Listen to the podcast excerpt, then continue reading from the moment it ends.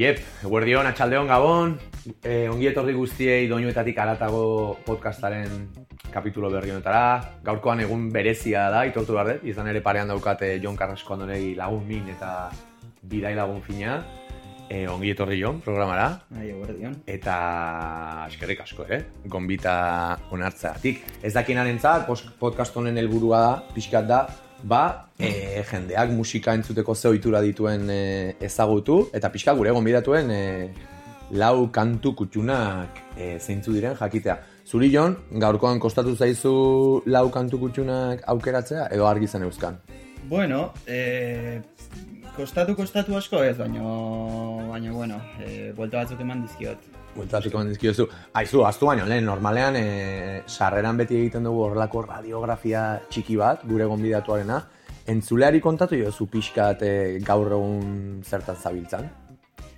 Bueno, ba, gaur egun, a ber, berez, e, ostraritza munduan abil, lanian, e, nola ez, e, oraindik hortikan ezin aterata. Jende asko bezala, ez? Bai, baina, bueno, gero ere ari naiz, e, bueno, beste proiektu batzutan, ere osteopatia e, osasun mailan hor e, bueno, ikasten ari naiz e, osteopatia eta eta eta bueno, hirugarren urtea daukat eta pixka bat horrekin murrikilduta ba, ari naiz o proiektu batzuk e, e, bueno, gauzak egiteko asmoakin, e, hasi hori.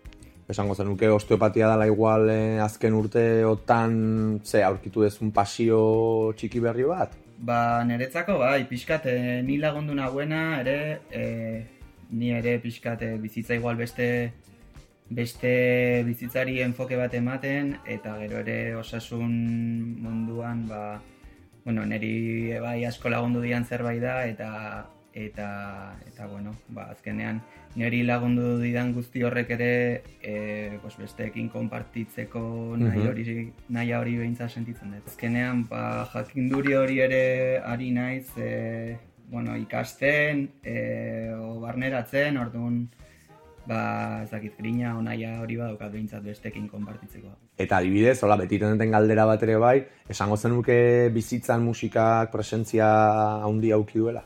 Zuregan, ezakit, gaina, osteopatearekin lotuta ere, bada, bai. bada energia moduko bat, e, denoi eragiten digula, igual ez e, maila berean eta une berean, baino deno gaude pixka bat musikaren e, energia horrenpean, ez? Ez ez uste? Bai, nik, uste, nik uste azkenean bakoitzak badaukala energia mota bat, eta nik uste e, bakoitzak e, ba hori ez, ze energi mota daukan, o vibrazio mota daukan ikusita, ba, e, musika mota baten gana jotzen du, o beste baten gana, orduan, e, normala da, osea, azkenean vibrazioa da, e, soinua da, eta horrek azkenean ere... Eragiten du zerbait. Bai, eragin handi baduka bakoitzaren, bueno, pertsonan edo, ez. Hmm.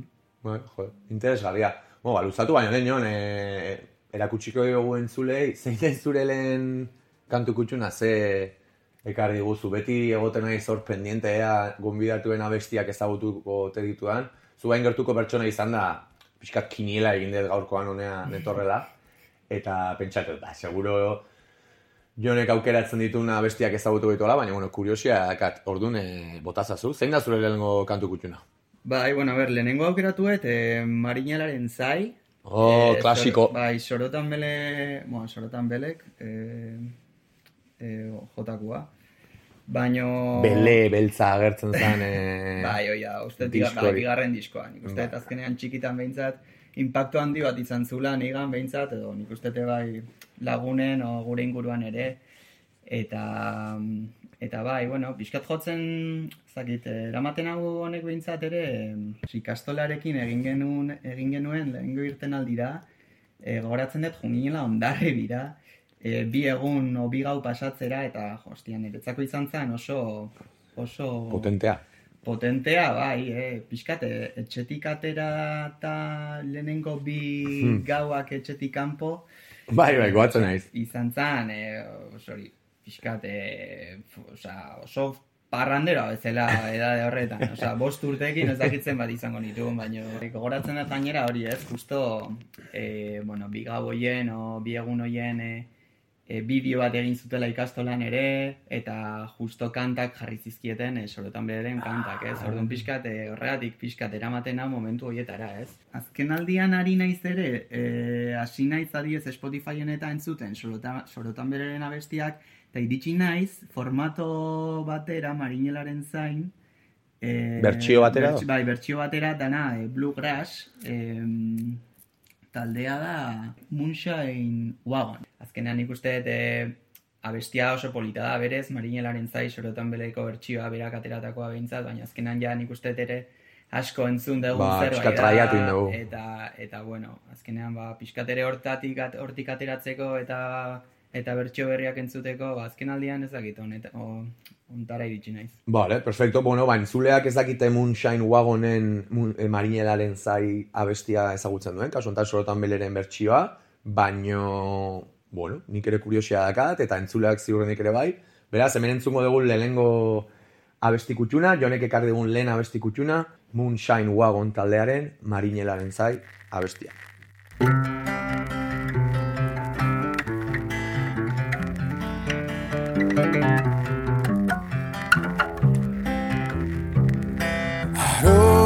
Arotzak zuen alaba bat. Zan erriko xarman garien da. Bigizonek nahi zuten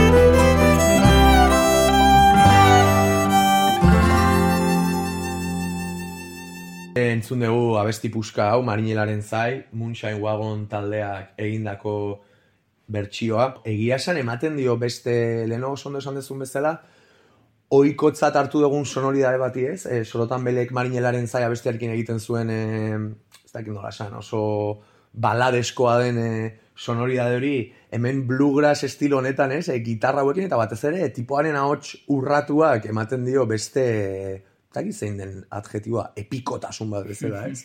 Bai, e, ja bada epikoa abestia berez, eta jo, kizona gustatu zait, eta ziurrenik e, entzuleari ere bai aurrera jarraituko dugu, zein da zure bigarren kantu kutxuna? Bai, a ber, bigarrena aukeratu et, e, e, beste tipiko bat, behintzat gure... e, Generazioa? Gure generazioan hori da. E, da, dragoi bolako, baina amaiera. Alda, alda, ba, Bai, gizera bai, Eh, ametsak ez dauka inongo mugarik eta nik. Alde, bale, bale, bale, bueno. Ez daukagu oso egura diona gaur, baina ez dugu okertu nahi. Horrek nora eramaten zaitu ba. Bai, azkenean hori ez, narama, narama e, pixkat, e, hori ez, ikastolatik aterata, ja behin etxera etorrita ere, e, pf, dragoi bola ikusteko irrikita irriki horretan, e, pues hori, bukatu eta, eta, eta hori, abesti hori entzun da behintzat, e, ez dakit, ja pixkat dana berdin zitzaidan. E, Oendikan etxeko lanak egin gabe, eta, eta ere egia berdin zitzaidan. Hori izan igual, e, eguna borobiltzen zuen abestia. Nik ere recuerdo hori, akat, ostra, dragoi izan zan, kiston fenomenua izan zan, eh? E, beti duda daukat, noiz hasi zan, dragoi bolaren fenomenoa, eta zenbat generazio harrapatu dute zituen. Egunero ordu berean, pantaiaren aurrean, telebistaren aurrean eseri, eta hori ikusteko ohitura zanitza, bueno, ez, ohitura ez duen esan nahi, beste zerbait esan nahi, behintzat, eh, Ohitura erlijioso bat bezala zela, hau da, egunero ginela hor, zortziretan edo zortziterditan, e, ziurrenik amaren Bai, afaldu baino leheneko... Amaren, venga, afaltzea, olako bat entzun baino lehen, o pantaiatik pixkat urruti jarri, o amaren olako oiu bat, e, zentzu honean, eh, ama, e, entzun baino lehen, eta egia fenomeno haundia izan zen, eta bai, bazituen hor, bai, hasieran esango nuke ere, bazituen pare bat abesti ez, nik uste, Bai, bai. e, oroitzapen edo oroimen kolektiboan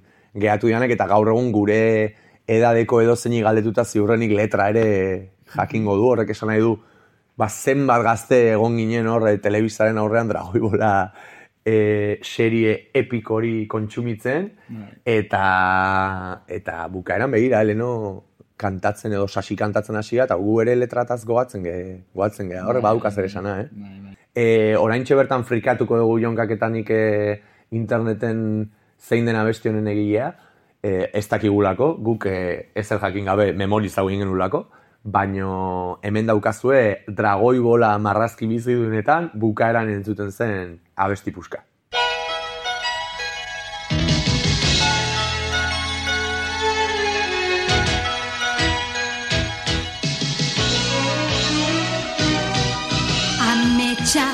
Ez dauka inongo mugarik eta nik aldegi nahi nuke hemendik.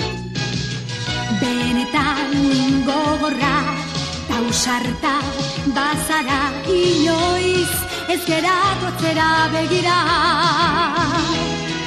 Beste hemen zure bizitzan ez daukazu zer.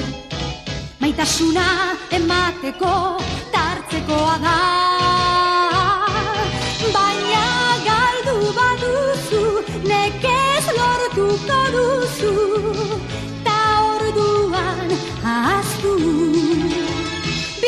Bihotzez maite zaitut Zuk ere maite nauzu. Bizitza bat eginda politagoa da Bihotzez maite zaitu Zuk ere maite nauzu. Ez egin banegarri Zorion utxa da gure maitasun garra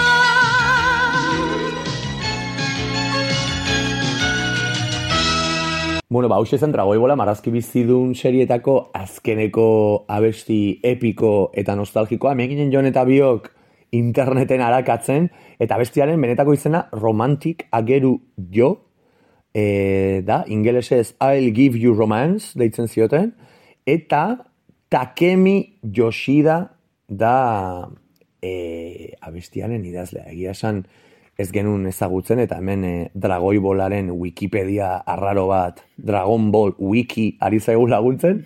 E, aurrera jarraituko dugu, Jon, zein da hirugarren e, abestia? Zein da zure hirugarren abesti kutxuna? Zer ekarri diguzu? Bai, bueno, ba, irugarrena, a ber, kla, beste klasiko bat, igual, ez dakit Mikel Laboa, nola ez?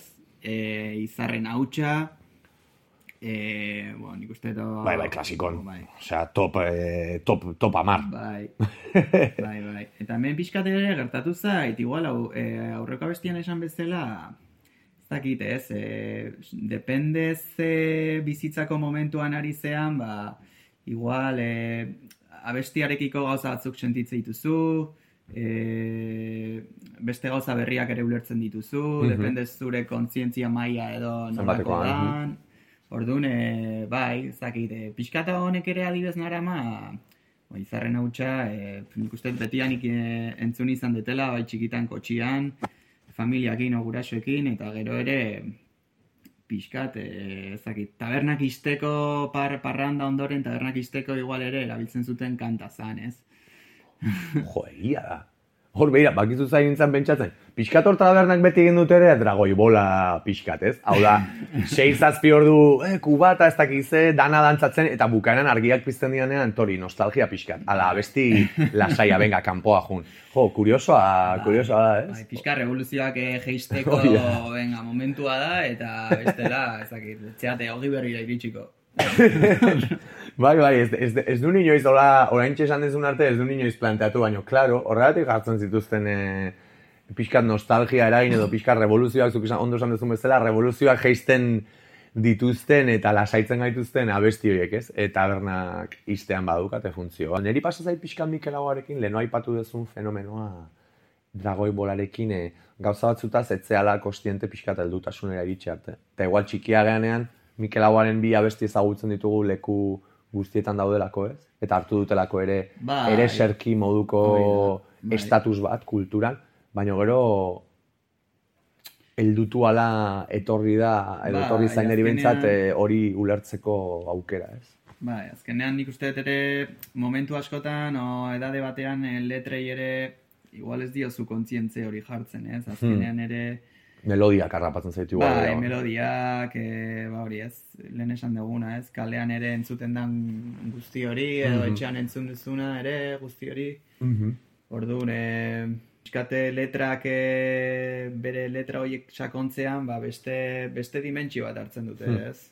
Edo Hmm. kantek, nik uste bere kantek ere beste dimentsio bat hartzen dutela. E, ba, entzule ingo dugu izarren hautsan ikustet ere bai entzule askok ja fitxatuta daukaten abesti bat izango dela.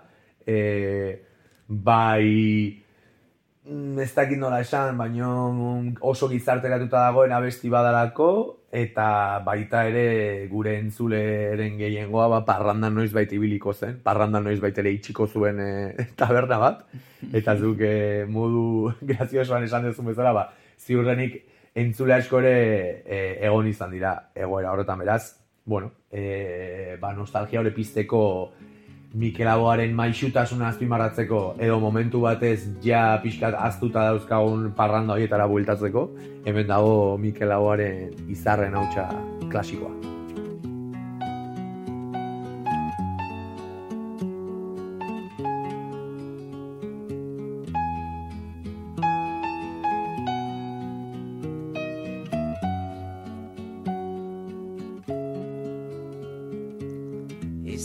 Hautsa egun batean bilakatu zen bizigai Hautsartatikan uste gabean noiz bai gina den guernai Eta horrela bizitzen gera sortuz ta sortuz gure aukera. Atxedenik hartu gabe Lana eginaz goaz aurrera, kate horretan denok batera, gogor kiloturi gaude. Gizonak badu inguru latz bat, menperatzeko premia. Burruka hortan bizi da eta, hori du bere egia Ekin ta ekin bilatzen ditu Zaiatze hortan ezin gelditu. Jakintza eta argia Bide ilunak nekez aurkitu. Lege berriak noiz baiter ditu Hortan jokatuz bizia Gizonen lana jakintza dugu Ezagutu zaldatzea. Naturarekin bat izan eta Harremanetan sartzea. Eta indarrak ongi errotuz Gure sustraiak lurrari lotuz Bertatikan irautea Ezaren gudaz baietza sortuz Ukazioa legatzat hartuz Beti aurrea joatera. Ez da dukanak ongi oidaki Eukitzea zein den ona. Bere premiak bete nahian Beti bizi da gizona Gu zerbait bagera eta Gauden tokitik hemendik bertan Zaia gaitezen ikusten Ametxeroak baztertuz bertan Sasi zikinak behingo zerreta Bideon bat aukeratzen Gizonen lana jakintza dugu Ezagutu zaldatzea. Naturarekin bat izan eta Harremanetan sartzea. Gu sortu ginen enborberetik Sortuko dira besteak. Urruka hortan iraungo duten Zuaitzardaska gazteak Beren aukeren jabera ikiz Ta erortzean berriro jaikiz Ibiltzen joanen direnak Gertakizunen indarta argiz Gure ametsak arrazoi garbiz Egiztatuko dutenak Gu sortu ginen enborberetik Sortuko dira besteak. Burruka hortan iraungo duten Zubaitzardaska gazteak. Gu sortu ginen enborberetik Sortuko dira besteak Burruka hortan iraungo duten Zuaitzardaska gazteak. Gu sortu ginen enborberetik Sortuko dira besteak. Burruka hortan iraungo duten Zuaitzardaska gazteak Hau San Mikel Aboaren izarren hautsa bestia. Eta aurrera goaz, Jon, e, azkena bestia, zure laugarren abesti kutxuna, zein da? Bueno, azkena aukeratu etena da Jungleko Keep Moving. Jungle e, ingalaterrako taldea, Hori ez, da. gaur egungoa. Nik ezagutzen dut talde hau, eta oso deigarria da e, e, talde honek daukan, e, bai, dantza, dantza egiteko gogoa pizteko, mm, nola esan, gaitasunaz aparte, niri oso deigarria egiten zait, eta talde honek ere daukan abesteko modua eta harmoniak nola tratatzen dituzten, baina zu pixka zalea zala jakin danik, e, igual galetu nahi nizun, ze irutzen zaizu zuri dantza kontzeptu? Zuk esan dezun hori, ez? Pixkat, eh, berdin du zer dantzatu, ez? O nola dantzatu, ez? Baizik eta erritmoa berak behintzat neri eramaten hau, e, ba hori, e, e, Askatzera bezala. igual, askatzera, eh, ez dakit terapia da, no ez? Baino, baino, baino bai, behintzat, e, ba hori ez, e, ez dakite erritmo bakoitzako, pertsona bakoitzak erritmo jakin batzuk ja bere gorputzean ja e, Txertatuta txertatuta dauzkagun, ba, igual neri honek bai eramaten nahuela honea, ez? Mhm. Dantza mota hortara edo... edo Bai, kuriosoa netzako energia horrek ez, em, ez da musika mota guztiekin pasatzen, gaur adibidez entzun ditugun beste hiru adibideak igual gehiago dira e, atzera bidaiatzeko tresna bezala, Mhm. baina hau e, nik ezagutzen detelako. Jangelen abesti hau gehiago iruditzen zait, e, hau da hemen eta orain. Hau da, aipatu duzun estatu batutako taberna hortara sartu eta, venga, guazen, dantza. Bai. Hau da, igual esango nuke aurretik aukeratu dituzun hiruak hori, e, iraganerako bolita direla eta honek baduela orainaldiaren e, Bai, beste... indar hori bai, bezala, ez? da, E, bai. lotxak kendu eta gora bizitza eta guazen e, hori da, diskutatzera, hori da, ez? Bai. Oso ondo, Jon. Bueno, ba, nik uste talde nahiko ezaguna dela mundu mailan, baina ziurrenik e, entzule asko que igual ez dute ezagutzen, eta nik uste sorpresa oso, oso positiboa e, jasoko dutela. Azken abesti hau Jungle and Keep Moving entzun baino lehen, Jon, mi esker e, nire podcast txikira etortzeko gonbidapena onartzerati, plazer bat izan da. Bai, mi esker zuri. Eta zuei entzule, ba, urrengo astean entzungo dugu elkar, ikusi esan barro, baina entzungo dugu elkar. Eta azkeneko abesti bezala, dantzan jarri eta lotxak aireratzeko, hemen daukazue Jungle taldearen Moving abestia. Aio! Jo...